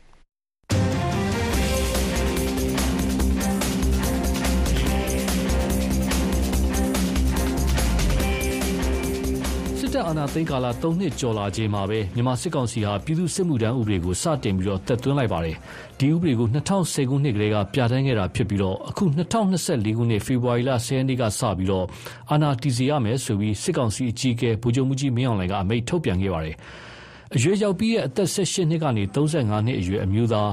အမျိုးသမီးတွေဆိုရင်တော့အသက်18နှစ်ကနေ28နှစ်အရွယ်ရှိသူတွေစစ်မှုထမ်းရမှာဖြစ်ပါတယ်။ ဆရာဝန်၊အင်ဂျင်နီယာနဲ့ စက်မှုလက်မှုပညာ တတ်မြောက်ကျွမ်းကျင်သူတွေဖြစ်ခဲ့မယ်ဆိုရင်တော့ အသက် ၁၈ နှစ်ကနေ ၄၅ နှစ်အရွယ် အမျိုးသား၊အသက် ၁၈ နှစ်ကနေ ၃၅ နှစ်အရွယ် အမျိုးသမီးတွေ စစ်မှုထမ်းရမယ်လို့ ဒီဥပဒေမှာ ဖော်ပြထားပါတယ်။မြန်မာနိုင်ငံမှာ ဒီဥပဒေနဲ့ အကျုံးဝင်တဲ့ အမျိုးသား အမျိုးသမီးအရေအတွက် ၁၃ သန်းနီးပါးရှိတယ်လို့ စစ်ကောင်စီဘက်က ထုတ်ပြန်ကြေညာထားပါတယ်။လူငယ်ပညာတတ်တွေကိုလည်း နိုင်ငံတော်ကာကွယ်ရေးအတွက် အလေးပေးစုဆောင်းသွားမယ့်အကြောင်း စစ်ကောင်စီပြောခွင့်ရသူ ဗိုလ်ချုပ်ဇော်မင်းထွန်းက ထုတ်ပြန်ပြောဆိုခဲ့ပါတယ် ကျွန်တော်တို့နိုင်ငံရဲ့2019ခုနှစ်ဂျားပြတကောင်စင်းရဲ့ရခုပြခန်းလိုက်တဲ့ပြည်သူစစ်မှုထမ်းဥပဒေမှာအကျုံးဝင်တဲ့အကျုံးဝင်နိုင်တဲ့လူဦးရေအကျုံးဝင်နိုင်တဲ့လူဦးရေဆိုတာကကျွန်တော်တို့ဒါအမျိုးသား6.3သန်းအမျိုးသမီး9.8သန်းစုစုပေါင်း73သန်းနေပါရှိပါတယ် အဲ့တော့အဲ့73သန်းလုံးကိုကျွန်တော်တို့ကတရားရင်နဲ့ထဲစစ်မှုထမ်းဆောင်ခြင်းမလားမဟုတ်ပါဘူးအကျုံးဝင်တာပဲရှိပါတယ်ကျွန်တော်တို့အနေနဲ့ဒီစစ်မှုထမ်းဆောင်နေတယ်ဆိုတဲ့အထဲမှာဒီစစ်မှုထမ်းဆောင်တဲ့အထဲမှာနိုင်ငံတော်ကာကွယ်ရေးတာဝန်ထမ်းဆောင်နိုင်တဲ့သူ့ရဲ့ဒီပြည်သူ့စစ်မှုထမ်းဥပဒေမှာပါပြီးသားဖြစ်ပါတယ်သူ့ရဲ့အဆင့်အလိုက်သူ့ရဲ့အဆင့်အလိုက်စစ်တီတွေနဲ့တူညီတဲ့အခွင့်အရေးစစ်တီတွေနဲ့တူညီတဲ့လေ့ကျင့်ရေးဆောင်ရွက်ပေးရတာဖြစ်ပါတယ် ဒါကြောင့်မလို့ဒီပြည်သူစစ်မှုထမ်းစနစ်ကိုဆောင်ရွက်တဲ့အခါမှာလည်းကျွန်တော်တို့အနေနဲ့မိမိရဲ့သက်ဆိုင်တဲ့ကျွမ်းကျင်တဲ့ပညာရပ်တွေလိုက်နိုင်ငံတော်ကာကွယ်ရေးတာဝန်မှာထမ်းဆောင်နိုင်ဖို့အခြေခံစစ်ပညာသင်ကြားပြီးဒီတာဝန်တွေကိုဆက်လက်ထမ်းဆောင်နိုင်ဖို့အတွက်ဒါဆောင်ရွက်သွားမှာဖြစ်ပါတယ်ပြည်သူ့စစ်မှုထမ်းဥပဒေကို2010ခုနှစ်နိုဝင်ဘာလ4ရက်နေ့တုန်းကဗိုလ်ချုပ်မှုကြီးသန်းရွှေအမိန့်နဲ့ပြဋ္ဌာန်းခဲ့တာဖြစ်ပြီးတော့အသက်ပြည့်တဲ့လူငယ်တိုင်းစစ်မှုမထမ်းမနေရဥပဒေဖြစ်ပါတယ်။ တာဝန်နှစ်နှစ်ထမ်းဆောင်ရမှာဖြစ်ပြီးတော့ကျွမ်းကျင်သူဖြစ်ရင်တော့သုံးနှစ်အထိတာဝန်ထမ်းဆောင်ရမယ်လို့သတ်မှတ်ထားပါတယ်။နိုင်ငံတော်ရေးပေါ်အခြေအနေဖြစ်နေရင်တော့စစ်မှုထမ်းကာလဟာ9နှစ်အထိသုံးနှစ်သတ်မှတ်နိုင်တဲ့အကြောင်းလည်းပြဋ္ဌာန်းထားပါတယ်။ဂျာဂလာအမျိုးသားညီညွတ်ရေးအစိုးရ NUG ဘက်ကတော့စစ်ကောင်စီရဲ့အခုလိုမျိုးအသက်သွင်းလိုက်တဲ့ပြည်သူ့စစ်မှုထမ်းဥပဒေဟာတရားဝင်မှုမရှိဘူးလို့ပြည်သူတွေကိုလိုက်နာမှုမလိုတဲ့အကြောင်းထုတ်ပြန်ကြေညာပါတယ်။ ဒီဥပဒေကိုအသက်သွင်းပြီးပြည်သူတွေကိုစစ်မှုထမ်းခိုင်းတာဟာစစ်ကောင်စီရဲ့နောက်ထပ်စစ်ရာဇဝတ်မှုတခုထပ်ပြီးကျူးလွန်တာဖြစ်တယ်လို့ NUG သမ္မတရုံးပြောခွင့်ရသူဦးကျော်စောကပြောပါတယ်။တရားဥပဒေမဟုတ်တဲ့အတွက်ကြောင့်အာဏာဖိဖိဆောင်ဖို့လိုအပ်ပါတယ်။ဆိုတော့နီးမျိုးစုံနဲ့ပြည်သူလူထုလည်းသိပါတယ်ကျွန်တော်တို့ဒီအတန်တေးတပိတ်လုပ်ခဲ့တယ်ဒီနမ်ဘော်ထွက်ဆိုလည်းဟိုညီညီညွတ်ထွက်လိုက်ကြတယ်အဲ့တော့ဒီဒီမှာဒီဟာကိုကျွန်တော်တို့အနေနဲ့ ပြည်သူလူထုအနေနဲ့ကအာဏာမတရားတဲ့အာဏာကိုဖိစံနဲ့စန့်ကျင်မှုပြုလို့ရတယ်ကျွန်တော် NUG အစိုးရမျိုးသားညီညွတ်ရေးအစိုးရနဲ့မဟာမိတ်တော်လှန်ရေးဖွဲ့စည်းတွေအားနဲ့ဒီလူငယ်တွေကိုကျွန်တော်ကကူညီဖို့ကာဝယ်ပေးဖို့အာသူတို့တွေကသူတို့ရဲ့လိုအပ်ချက်တွေကိုကျွန်တော်ဖြည့်ဆည်းဖို့လည်းကျွန်တော်တွေစူးစမ်းဆောင်ရွက်ဖို့အစဉ်ရှိတယ်ဆိုတာလည်းပြောကြားချင်ပါတယ်ခင်ဗျဒီဆေးရစုကျူးလွန်ထားတဲ့ကျူးလွန်နေတဲ့အာဆေးရစုကောင်းနေက ဒီဥပဒေဆိုတဲ့ဟာပြဋ္ဌာန်းပြီးလူတွေကိုအတင်းအဓမ္မစစ်ထဲသွင်းပြီးတော့ဒီအသေးခံခိုင်းမဲ့ဟာဒါဒီဟာနောက်ထပ်ဆေးရစုမှုတစ်ခုကိုကျူးလွန်တဲ့ဟာလို့ကျွန်တော်အနေနဲ့ပြောချင်တယ် ပြည်သူ့စစ်မှုထမ်းဥပဒေ စတင်ကျင့်သုံးမယ်ဆိုတဲ့ စစ်ကောင်စီရဲ့ ထုတ်ပြန်ကြေညာချက် ထွက်ပြီးတဲ့နောက်မှာတော့ လူငယ်တွေကြားမှာစိုးရိမ်ပူပန်မှုတွေ ဝေဖန်မှုတွေ တွေ့လာပါတယ်။ရပိုင်းအတွင်းမှာပဲ ထိုင်းနိုင်ငံပါဝင် အိန္ဒိယနိုင်ငံတွေစီကိုရောက်လာတာ တိုင်းသားလက်နက်ကိုင်နေမျိုးတွေစီကိုရောက်လာသူတွေ ရှိတယ်ဆိုပြီးတော့ VOA ရဲ့ သတင်းရင်းမြစ်တွေကနေဆက်ဒေသအခြေအနေကို ပြောကြပါတယ်။ဥပဒေပါ ပြဋ္ဌာန်းချက်တွေနဲ့ ကိုက်ညီနေတဲ့ လူငယ်တူကတော့ မဖြစ်မနေ စစ်မှုထမ်းရမယ်ဆိုရင်လေတိုင်းသားလက်နက်ကိုင်အဖွဲ့တွေစီကိုပဲတွားရောက်တာဝန်ထမ်းမယ်လို့သူကပြောပါတယ်။ ဒါပေမဲ့ဒီဥစ္စာကြီးကိုဒီချိန်ကာလမှာဒါကြီးထုတ်ပြန်ပါကြတော့ဘယ်မှတောင်းဟိုစစ်မှုမထမ်းနိုင်ကြဘူးအသက်ပြည့်တဲ့ဒီကမှလည်းလက်ခံဒီမှလည်းစတိုင်းညမှာမဟုတ်ဟိုကျွန်တော်မြင်ပြောရရင်ညာကျွန်တော်ဟဲဟိုကျွန်တော်မြင်ပါလားကျွန်တော်မြင်ကျွန်တော်ဒီမှာပဲလေဘာမှဆိုရင်ဟိုဒီတိုင်းကလာလက်နေတိုင်းဆိုရှင်ဒီဆိုကျွန်တော်ဒီမှာမဖြစ်ပါဘူးဒီမှာတော့ကျွန်တော်မထမ်းနိုင်တာဒါအားလုံးကျွန်တော်ဦးကျင်နေတာပါတော့နော်ဒါအောင်တော့ကျွန်တော်ဒီဒီထိချုံနေပြီသွားမယ်ညအောင်ဆိုရင်ဒီရင်လက်နက်ကိုင်းဒီရင်ရှိတယ်ကျွန်တော်တို့မှာဒီတိုင်းဒီကျွန်တော်တို့ဒီဘက်မှာပဲထားတယ်နော်စစ်ပညာသင်ကြားရေးနဲ့နိုင်ငံတော်ကာကွယ်ရေးအတွက်ဆိုပြီးတော့စစ်ကောင်စီကပြည်သူ့စစ်မှုထမ်းဥပဒေအသက်သွင်းခဲ့တယ်လို့ဒီဥပဒေကိုအကောင့်ထဲပေါ်ဆောင်ရဖို့အတွက်ပြည်သူ့စစ်မှုထမ်းစင့်ကော်ရေးဘ ਹੁ အဖွဲ့ကိုလည်းဖွဲ့စည်းလိုက်ပါတယ်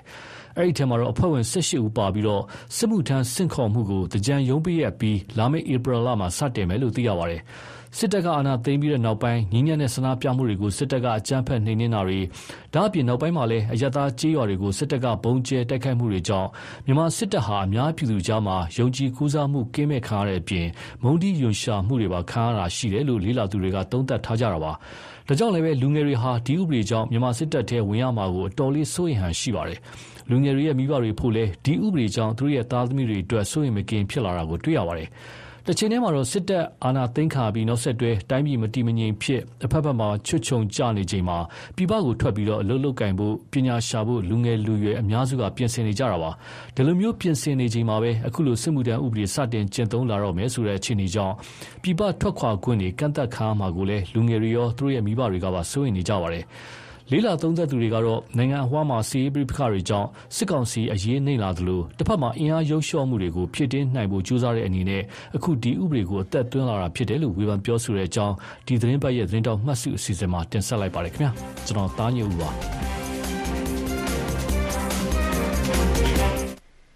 အခုတော့ စီးပွားရေးပဲလက်ကြအောင်ပါ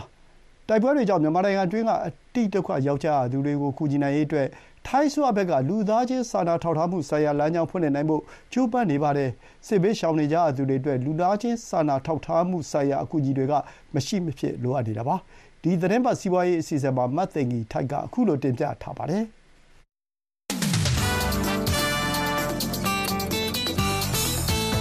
freelance volunteer မြန်မာအနေနဲ့အဲ green community မှာလည်းအခြေစိုက်လှုပ်ရှားနေတဲ့အဖွဲ့ဖြစ်တယ်ဆိုတော့အဲကျမတို့အနေနဲ့ဒီ green မှာရှိတဲ့စစ်ဆောင်တွေစီကိုအမြဲတမ်း ထောက်ပံ့ပေးနိုင်ဖို့ပေါ့နော်ဒီပြင်မှာရှိနေတဲ့ press ဖြစ်တဲ့ရှေ့ဆောင်တွေတော့လက်တလုံးမှာကျမတို့ဒီတာနာရိခါပိုင်းနေပြီးတော့မှအမိုးကပိုင်းနေရပြီးတော့မှဒီကလေးငယ်တွေအတွက်အာဟာရတိုက်ကျွေးတာတွေပေါ့နော်အဲဒီပြုလုပ်တယ်ပြီးတော့ဒီနေရာကြီးလည်းရောက်တော့မယ်ဆိုတော့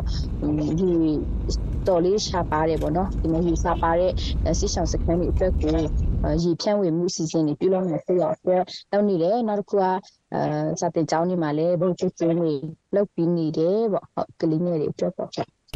ကရင်နီဒေသတဝန်စစ်ဆောင်ရသူတွေကိုမြေပြင်မှာလက်တွေကူညီပေးနေတဲ့အကြောင်း Freelance Volunteer မြန်မာကမလင်းလင်းက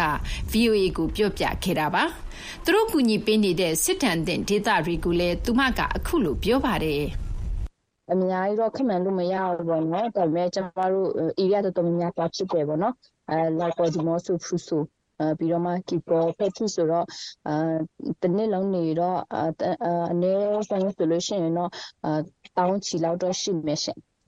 စစ်ထန်တဲ့မြန်မာနိုင်ငံတွင်းက လူမှုထံကို လူသားချင်းစာနာထောက်ထားမှု အကူအညီတွေ ပေးပို့နိုင်ရေးအတွက် ထိုင်းဆိုရဘက်က ကြိုးပမ်းနေကြောင်း ထိုင်းနိုင်ငံခြားရေးဝန်ကြီးဖရန်ပရီဘဟီဒါနုခရာကပြောဆိုထားပါတယ်။ ထိုင်းနိုင်ငံက ဦးဆောင်စီစဉ်နေတဲ့ ဒီအစီအစဉ်ကို အရှေ့တောင်အာရှနိုင်ငံများအသင်း အာဆီယံအဖွဲ့ဝင်တွေက ထောက်ခံထားတာပါ။ဒါပေမဲ့ ထိုင်းနိုင်ငံက စီစဉ်နေတဲ့ အကူအညီပေးရေးလမ်းကြောင်းဟာလည်း မြန်မာနိုင်ငံတွင်းက အကူအညီလိုအပ်သူ အနည်းငယ်ထံကိုသာ ရောက်ရှိနိုင်မှာ ဖြစ်ပါတယ်။ဆီယနာသိမ့်ပြီးနောက်ပိုင်း မြန်မာနိုင်ငံတွင်း အိုးအိမ်စွတ်ထွက်ပြေးရသူက2.6တန်းလောက်ထိရှိကြောင်း ကုလသမဂ္ဂက ခန့်မှန်းထားတာပါ။ ထိုင်းနိုင်ငံမြောက်ပိုင်း နယ်စပ်ဂိတ်ကို အကူအညီပေးရေး အဓိကအသုံးပြုပြီး ပစ္စည်းတွေသိုလှောင် မြန်မာကြက်ချင်နေအဖွဲ့ကို လွှဲပြောင်းပေးဖို့ ထိုင်းဘက်က ရည်ရွယ်ထားတာပါ။အဲဒီကနေတဆင့် မြန်မာဘက်က လူရည်2000လောက်ရှိတဲ့ မြို့နယ် ၃ ခုကို ဖြန့်ဝေဖို့ ဖြစ်ပါတယ်။ အကူအညီပေးရေးတိုးချဲ့နိုင်မလားဆိုတာမသေးချာသေးသလိုပဲပွင့်လင်းမြင်သာမှုကလည်းအရေးကြီးတဲ့ကိစ္စဖြစ်တယ်လို့ထိုင်းဘက်ကအတိအမှတ်ပြုပြောဆိုထားပါတယ်။အထူးသဖြင့်အကူအညီဖြန့်ဝေရေးအပါအဝင်လုပ်ငန်းစဉ်ကိုအာဆီယံလူသားချင်းစာနာထောက်ထားမှုစင်တာကကြီးကြပ်မယ်လို့တော့ပြောထားပါတယ်။ ထိုင်းနိုင်ငံခြားရေးဝန်ကြီးပရမ်ပရီဘဟိဒနုကာရကတော့เราเราเราก็คิดว่าလူသားချင်းစာနာထောက်ထားမှုဆိုင်ရာအရေးကိစ္စတွေကလူမှုနဲ့ဓာတ်ရိုက်ပတ်သက်ဆက်နွယ်နေတာဖြစ်တာကြောင့်ဒါဟာနိုင်ငံရေးကိစ္စမဟုတ်ကြောင်းဒါကြောင့်လဲအာဆီယံကတွန်းအားပေးနေပြီးထိုင်းနိုင်ငံကလက်ရှိဆောင်ရွက်နေတဲ့အစီအစဉ်ကိုဗက်ပေါင်းဆောင်ကသဘောတူကြဖို့နိုင်ငံခြားရေးဝန်ကြီးကတိုက်တွန်းသွားတာဖြစ်ပါတယ်။ထိုင်းနဲ့မြန်မာနယ်စပ်ဖက်ခြမ်းတလျှောက်မှာစစ်ကောင်စီစန့်ကျင်ရေးတိုက်ပွဲတွေကြောင့်ထိုင်းမြန် ်မာကုန်သွယ်ရေးလမ်းကြောင်း ထိခိုက်ပြီး ကုန်စည်စည်းစိမ်မှု အခက်အခဲဖြစ်နေတယ်လို့ကုန်သွယ်မှုပမာဏလည်း လျော့ကျနေတာပါ စစ်ရှောင်းတွေကို ကူညီထောက်ပံ့ရေးမှာ ကုန်သွယ်ရေးပေါ်မှာလည်း မူတည်တယ်လို့ မလင်းလင်းက VOA ကို ပြောပါတယ် ဖို့ဆိုလို့ရှိရင်တော့ဝယ်ရတာတော့အဆင်ပြေပါတယ်ဒါပေမဲ့ဒီတိုက်ပွဲအခြေအနေကြောင့်ကုန်လန်းကြောင်းတွေပိတ်ဆို့တယ်ဆိုတော့အခြေအနေမျိုးဆိုလို့ရှိရင်ဇီခုံတက်သွားတဲ့အခြေအနေတွေကြုံရတယ်အဲတခါတလေမှာဆိုလို့ရှိရင်တော့ဝယ်ချင်တဲ့ပစ္စည်းပေါ့နော်သွားပြီးတော့မှပေးချင်တဲ့ပစ္စည်းရှာဝယ်လို့မရဘူးအထူးသဖြင့်ဒီအဲ ကြောက်တော့ကိရိယာဒီ stationery ပိုင်းနေဆိုလို့ရှိရင်တော့နည်းနည်းလေးခက်ခဲတယ်အဲဒီဖက်ကိုရောက်ရင်လည်းဈေးကြီးတယ်ဆိုတဲ့အခြေအနေလည်းရှိပါတယ်အဲအဲ့ဒီခုပါပဲဟုတ်စစ်ဆောင်တွေကိုကုညီထောက်ပံ့ရေးမှာလဲကုန်စည်နှုန်းကြီးမြင့်မှုကုန်စည်ရှားပါမှုကအခက်အခဲတစ်ခုဖြစ်ကြောင်းလဲသူမကပြောပါတယ်အဓိကသိထားတဲ့အချက်ကတော့73စီစည်းနှုန်းကြီးမြင့်မှုလို့လဲထောက်ပြပါတယ် ဓာတ်ဆီဒီဇယ်အရင်တုန်းကဆိုလို့ရှိရင်ဒီမှာတော့ကျမတို့က1လီတာကို3000 3500နဲ့ရတယ်ပေါ့နော်ကျမတို့နေတဲ့ဖက်ချမ်းမှာအခုအခုအခုမဟုတ်ဒီတစ်လေးလုံးနောက်ပိုင်းမှာကျမတို့ကုန်စည်နှုန်းကဟိုဒီမှာတလီတာ1000ထိ12000ထိဝယ်ရတယ်ပေါ့နော်ဆိုတော့အခုကတော့နည်းနည်းလေးပြန်ကျလာပြီအဲအခုမှတော့တလီတာကို4500 9000ဝန်းကျင်လဲတော့ပြန်ဝယ်ရတယ်ပေါ့ဆိုတော့ဒီအထူးသဖြင့်ဒီ73စီတွေမှာကျွန်တော်တို့ direct transportation ကလည်းအရင်အရေးကြီးတဲ့ခါမှာဒါကတော့ဥပမာအနေနဲ့ပေါ့ကျန်တဲ့ဟိုကုံ6ကုံစိမ်းတွေပြီးတော့မှอืมဒီဆန်နေဆိုလို့ရှိရင်လည်းဇီအရင်တက်သွားတယ်လေမြင်ရတယ်အခုတော့နည်းနည်းလေးတော့ပြန်ကျလာပြီပေါ့ဟုတ် တိုက်ပွဲတွေကြောင့် အသက်မွေးဝမ်းကြောင်း အလုပ်တွေဆွန့်လွတ် ဘေးလွတ်ရာ တိတ်ဆောင်ကြရသူတွေဟာ အကူအညီ အထောက်ပံ့တွေကိုမိခိုနေရတယ်လို့ပဲ သူတို့ကိုယ်တိုင်လည်း ဒေတာရင်းမှာ ရသမျှ အလုပ်အကိုင် ဝင်ရောက် လုပ်ကိုင်နေကြတာတွေလည်း ရှိကြောင်း အကူအညီပေးရေး ဆောင်ရွက်နေတဲ့ freelance volunteer မြန်မာကမလင်းလင်းက VOA ကို ပြောပါတယ်ရှင် စစ်ဆောင်တွေရဲ့ဒီကူညီနေတဲ့ အဖွဲ့အစည်းကိုမိခိုနေရတယ်ဆိုတာကတော့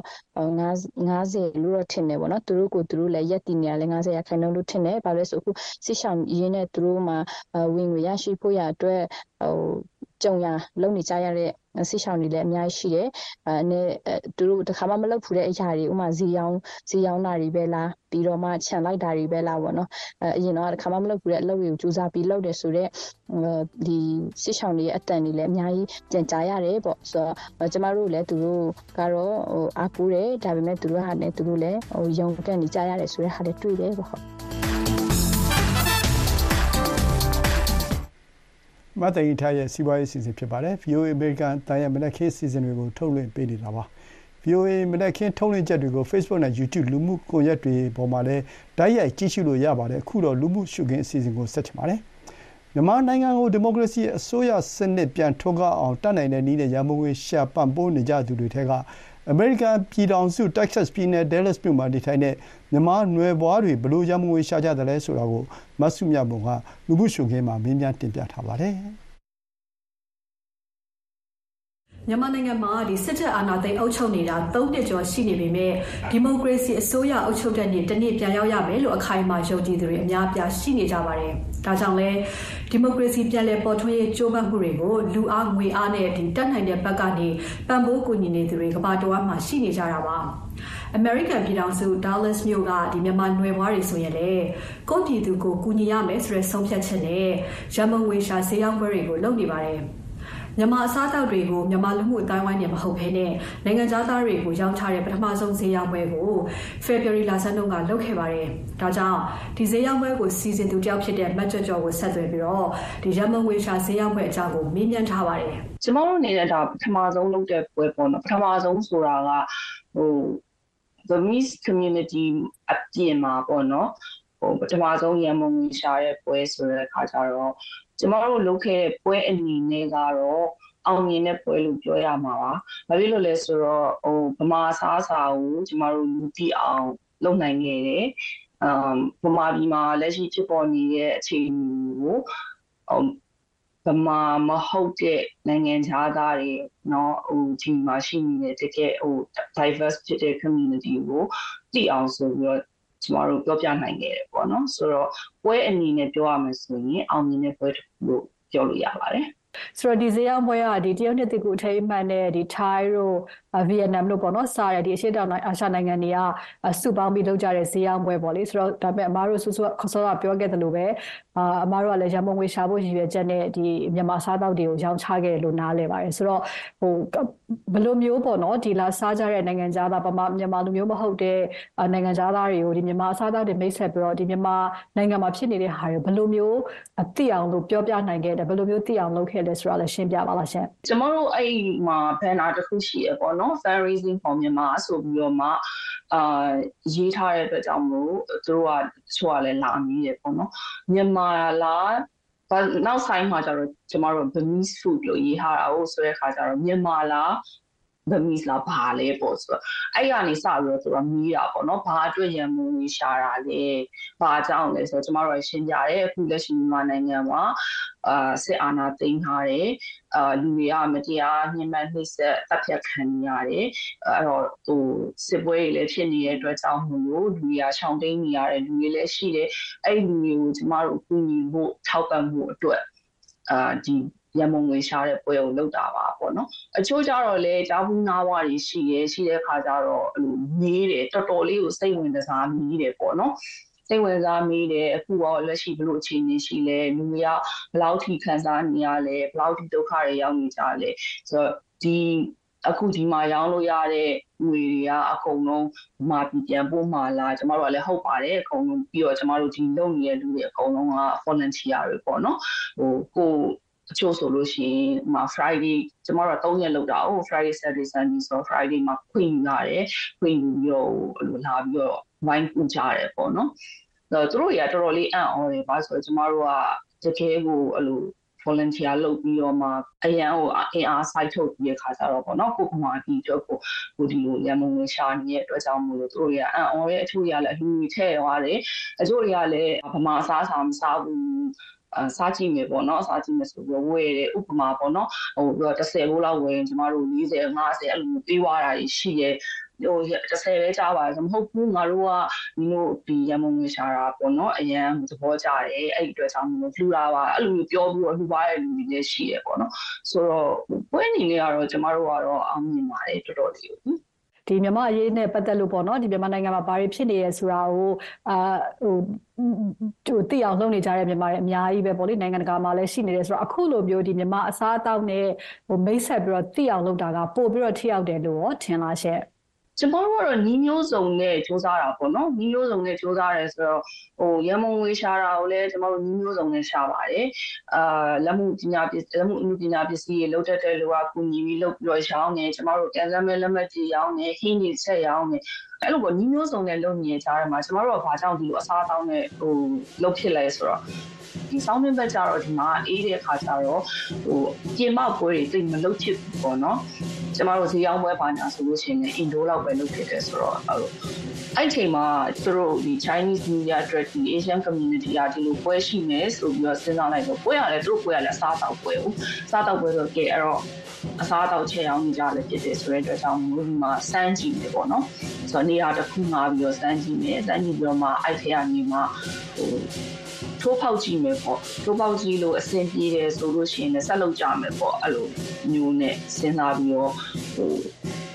စူးစမ်းခဲ့တဲ့အခါမှာအခုရခဲ့တဲ့ရလက်အရာရဲ့အခုအချုံရရဲ့ဆိုလို့ရှိရင် ကျမတို့ပေးချင်တဲ့ message ကို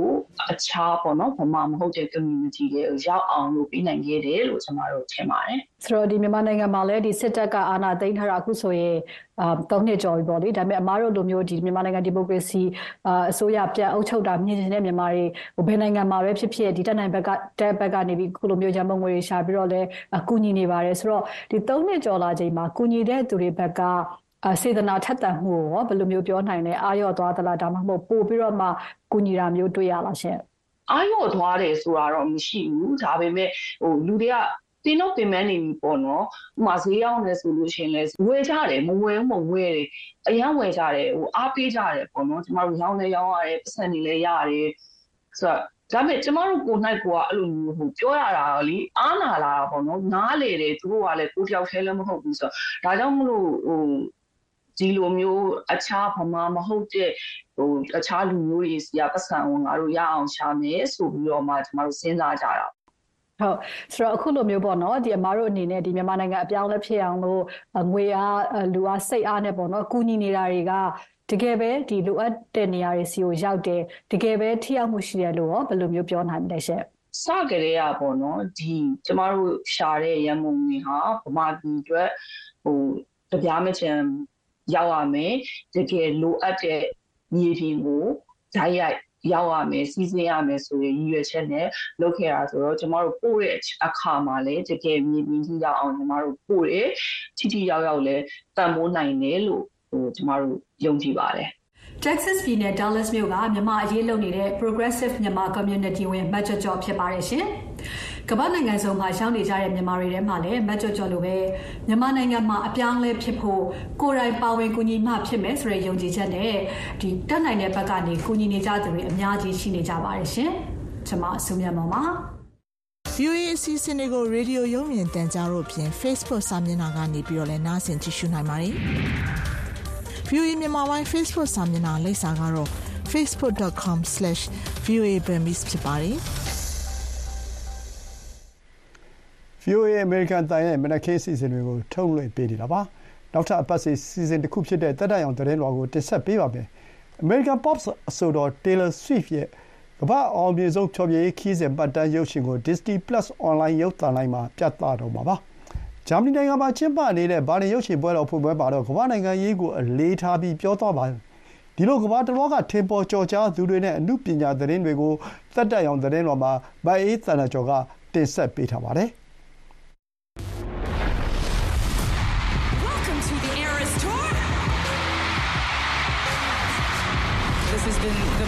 extraordinary experience of my entire life. ကမ္ဘာမှာအောင်မြင်ဆုံး American Pop အဆိုတော် Taylor Swift ရဲ့ Eras Tour ဖြော်ပြရေးခီးစဉ်မှတ်တမ်းရုပ်ရှင်ကိုနောက်လကစပြီးတော့ Disney Plus ရုပ်သံလိုင်းမှာပြသမှာဖြစ်ပါတယ်။ရုံတင်ရုပ်ရှင်မှာတော့မပါတဲ့တခြင်း၅ပုဒ်ကိုပါထည့်သွင်းပေးထားတယ်လို့ Walt Disney ကုမ္ပဏီကပြောပါတယ်။ Taylor Swift တဲ့ Eras Tour ကို Disney Plus ရုပ်သံလိုင်းမှာမတ်လ15ရက်နေ့ကစပြီးတော့တည်တံ့ပြသမှာပါ။မနစ်ကရုံတင်ရုပ်ရှင်မှာမပါဝင်မဲနဲ့အခုအသစ်ထည့်ထားပေးမဲ့တခြင်း၅ပုဒ်ထဲမှာတော့ acoustic guitar နဲ့ဖျော်ဖြေထားတဲ့ Cardigan ဆိုတဲ့တခြင်းလည်းပါဝင်ပါတယ်။သူ့ရဲ့ဖျော်ဖြေရေးခီးစဉ်ကိုမှတ်တမ်းရုပ်ရှင်ရိုက်ကူးထားပြီးတော့ရုံတင်ပြသတော့ရုံတင်ဝင်ငွေဒေါ်လာ262သန်းနီးပါးရရှိခဲ့တာပါ။ဒါဟာဂီတဖျော်ဖြေပွဲအကြောင်းရုပ်ရှင်ကားသမိုင်းမှာဝင်ငွေအများဆုံးရတဲ့ဇာတ်ကားဖြစ်ပါတယ်။ သူ့ရဲ့ဖျော်ဖြေရေးခီးစဉ်ကစင်မြင့်ဂီတဖျော်ဖြေရေးခီးစဉ်အနေနဲ့လည်းကမ္ဘာမှာအအောင်မြင်ဆုံးဝင်ငွေအများဆုံးရတဲ့ဖျော်ဖြေရေးခီးစဉ်ဖြစ်ပါတယ်။လက်မှတ်အယောင်ဝင်ငွေတင်ဒေါ်လာတန်းတစ်ထောင်ကျော်ဝင်ငွေရှိနေပါတယ်။သူကပထမအဆုံးထွက်တဲ့တချင်းခွေတွေကတချင်းတွေကအစအခုနောက်ဆုံးထွက်တဲ့တချင်းတစ်တွေအထိတချင်းမျိုးစုံတည်ဆိုတာဖြစ်ပါတယ်။ဒီဖြောပြရေးခီးစဉ်ကလည်းမပြီးဆုံးသေးပဲနဲ့တလောလေးကပဲဂျပန်နိုင်ငံမှာသွားဆိုခဲ့တာပါ။ Taylor Swift ရဲ့အခုနောက်ဆုံးရထားတဲ့အောင်မြင်မှုအသစ်ကတော့ Grammy ဂီတဆုချီးမြှင့်ပွဲမှာအကောင်းဆုံးတေးတပြားဆုထပ်ပြီးရရှိခဲ့လို့သူက Grammy သမိုင်းမှာသူ့ရဲ့အရင်ဘယ်သူမှမရဘူးတဲ့စရုပ်ထအကြိမ်မြောက်ဖြစ်နေဒီဆုကိုထပ်ရတာဖြစ်ပါတယ်။သူတယောက်တည်းအခုဆိုရင်အကောင်းဆုံးတေးတပြားဆု၄ကရရှိထားပါတယ်ရှင်။ ဂျာမနီနိုင်ငံမှာကျင်းပတဲ့84ကြိမ်မြောက်ဘာလင်ရုပ်ရှင်ပွဲတော် ဖွင့်ပွဲအခမ်းအနားမှာတော့ နိုင်ငံရေးနဲ့နုပညာရောရှက်နေတာ တွေ့ခဲ့ရတာပါ။ဖေဖော်ဝါရီ15ရက်နေ့မှာ ကျင်းပတဲ့ ဖွင့်ပွဲမိန့်ခွန်းမှာ ပွဲတော်ဖြစ်မြောက်ရေး ပူးရဲညွှန်ကြားရေးမှူး Marriott Reisenbeek ကယူကရိန်းစစ်ပွဲ၊အီရန်၊ဆူဒန်နဲ့ အရှေ့အလယ်ပိုင်းက စစ်ပွဲတွေ ပဋိပက္ခတွေကို မီးမောင်းထိုး ပြောကြားသွားပြီးဂျာမနီနိုင်ငံမှာလည်း ဒီမိုကရေစီကို ခြိမ်းခြောက်နေတဲ့ လက်ယာအစွန်းရောက်တွေရဲ့ အန္တရာယ်တို့ကို သတိပေးသွားပါတယ်။ Berlinale hat viel, viel Platz für den Dialog der Menschen. ဘလင်နယ်ပွဲတော်မှာ လူတွေနဲ့အမှုပညာကြား ပြောဆိုညှိနှိုင်းလို့ရတာတွေ အများကြီးရှိပါတယ်တဲ့။ဒါမဲ့လည်း အမုန်းတွေအတွက် နေရာမရှိပါဘူး။အမုန်းတရားက ရွှေပွဲလာတွေထဲမှာ ဖိတ်မထားပါဘူး လို့ ဖွင့်ပွဲအခမ်းအနားမှာပြည်သက်တွေကို သူက ပြောသွားပါတယ်။ ဂျာမနီနိုင်ငံကနိုင်ငံရေးပါတီရွေးကောက်ခံအမတ်တွေနဲ့အတူလက်ရဇွန်းရောက် Alternative for Germany AFD ပါတီက9ဦးကိုလည်းဖွင့်ပွဲအခမ်းအနားတက်ရောက်ဖို့ဖိတ်ကြားထားခဲ့တာပါ။ ဒါမဲ့ဂျာမနီနိုင်ငံကလူနည်းစုတွေကိုနိုင်ငံတွင်းကမောင်းထုတ်ဖို့အတွက် AFD ပါတီကလှုပ်ဝက်အစည်းအဝေးကျင်းပခဲ့တယ်ဆိုတဲ့သတင်းတွေထွက်လာပြီးတဲ့နောက်မှာတော့နိုင်ငံထဲမှာတော်တော်ဆူဆူလောင်လောင်ဖြစ်သွားခဲ့ရလို့ပွဲတော်မှာဖိတ်ကြားထားတာကိုပြန်ရုပ်ခဲ့ပါတယ်။ Wir stellen uns explizit gegen Diskriminierung und jeden Hass, jeglichen Hass, ob Antisemitismus ကျမတို့ကခွဲခြားဆက်ဆံမှုတွေအမုန်းတရားတွေဘယ်ပုံစံကိုမဆိုအထူးဆန့်ကျင်ပါတယ်။ဂျူးမုန်းတီးမွတ်စလင်မုန်းတီးအကုန်ပါပါတယ်။ ရွှေပြောင်းခြေချနေထိုင်သူတွေကို AFD လက်ရစွန်းပါတီကနိုင်ငံထဲကနေပြီးမောင်းထုတ်ဖို့ရည်ရွယ်နေတာကဘာလင်နယ်ပွဲတော်အဖွဲ့တွေရောမိတ်ဆွေအတိုင်းဝိုင်းတွေကိုရောထိခိုက်စေပါတယ်။ကျမတို့ပွဲတော်မှာဒါမျိုးလုံးဝလက်မခံပါဘူးလို့ဒါရိုက်တာရီဇန်ဘစ်ကပြောသွားတာပါ84ကြိမ်မြောက်ဘယ်လင်နယ်ရုပ်ရှင်ပွဲတော်ကိုတော့ဖေဖော်ဝါရီလ15ရက်နေ့ဖွင့်ပွဲမှာဒါရိုက်တာတင်မီလန်ရိုက်ကူတဲ့ Small Things Like These ဆိုတဲ့ရုပ်ရှင်နဲ့စဖွင့်ပါတယ်။ ဒီရုပ်ရှင်ကားကဘယ်လင်ရုပ်ရှင်ပွဲတော်ရဲ့အမြင့်ဆုံးဆုရွှေဝဝန်ဆုအတွက်ရှင်ပြိုင်တဲ့ရုပ်ရှင်ဇာတ်ကားကား20တဲကတစ်ခုဖြစ်ပါတယ်။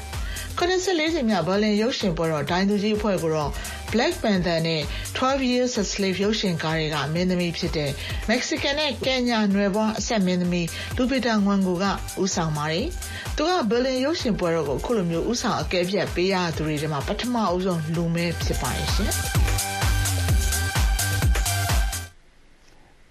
မိုင်းတန်တာကျော်ကတက်တန်အောင်တရင်တော်ကိုတင်ပြသွားခဲ့တာပါ။အခုကြံရှိနေတဲ့အချိန်မှာသတင်းချင်းချုပ်ကိုပြောပြပေးပါဦးမယ်။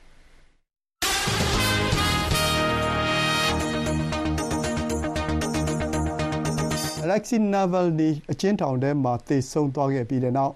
ရုရှားအပေါ်ကနဦးဒဏ်ခတ်ပိတ်ဆို့ထားမှုတွေရှိထားပေမဲ့ပိတ်ဆို့ဒဏ်ခတ်မှုအသစ်တွေထပ်မံချမှတ်ဖို့စဉ်းစားနေပါတယ်လို့အမေရိကန်သမ္မတဂျိုးဘိုင်ဒန်ကတနင်္လာနေ့မှာပြောလိုက်ပါတယ်။ သမ္မတဘိုင်ဒန်ကအိမ်ဖြူတော်မှာသတင်းထောက်တွေကိုပြောခဲ့တာပါ။ Navalny သေဆုံးမှုအတွက်ရုရှားသမ္မတဗလာဒီမာပူတင်မှာတာဝန်ရှိတယ်လို့သမ္မတဘိုင်ဒန်ကဆိုပါတယ်။ကြုံခဲ့ရတဲ့ဖြစ်ရပ်ဟာပူတင်ရဲ့ရက်စက်ကြမ်းကြုတ်မှုသက်သေပဲဖြစ်ပါတယ်လို့လည်းသူကဆိုပါတယ်။ကျန်ရစ်သူဇနီးတဲ့ယူလီယာနာဗယ်နာယာကတော့သူခင်ပွန်းရဲ့အလုပ်တွေကိုဆက်ပြီးလုပ်ကိုင်သွားမှာဖြစ်တယ်လို့ရုရှားနိုင်ငံရဲ့လွတ်လပ်မှုအတွက်ဆက်လက်တိုက်ပွဲဝင်သွားမယ်လို့လည်းတနင်္လာနေ့မှာပဲပြောကြားလိုက်ပါတယ်။ သူနဲ့အတူရပ်တည်ကြပါလို့လည်းယူလီယာကခေါ်သံပေးလိုက်ပါတယ်ကျမခင်ပွန်းကိုဗလာဒီမာပူတင်ကသတ်ဖြတ်ခဲ့တာပါလို့လည်းအွန်လိုင်းဗီဒီယိုမှာယူလီယာကစွပ်စွဲပြောကြားလိုက်ပါတယ်။ဥရောပသမဂ္ဂ EU မှာတော့ဟန်ဂေရီကလွဲပြီးအဖွဲ့ဝင်26နိုင်ငံတို့က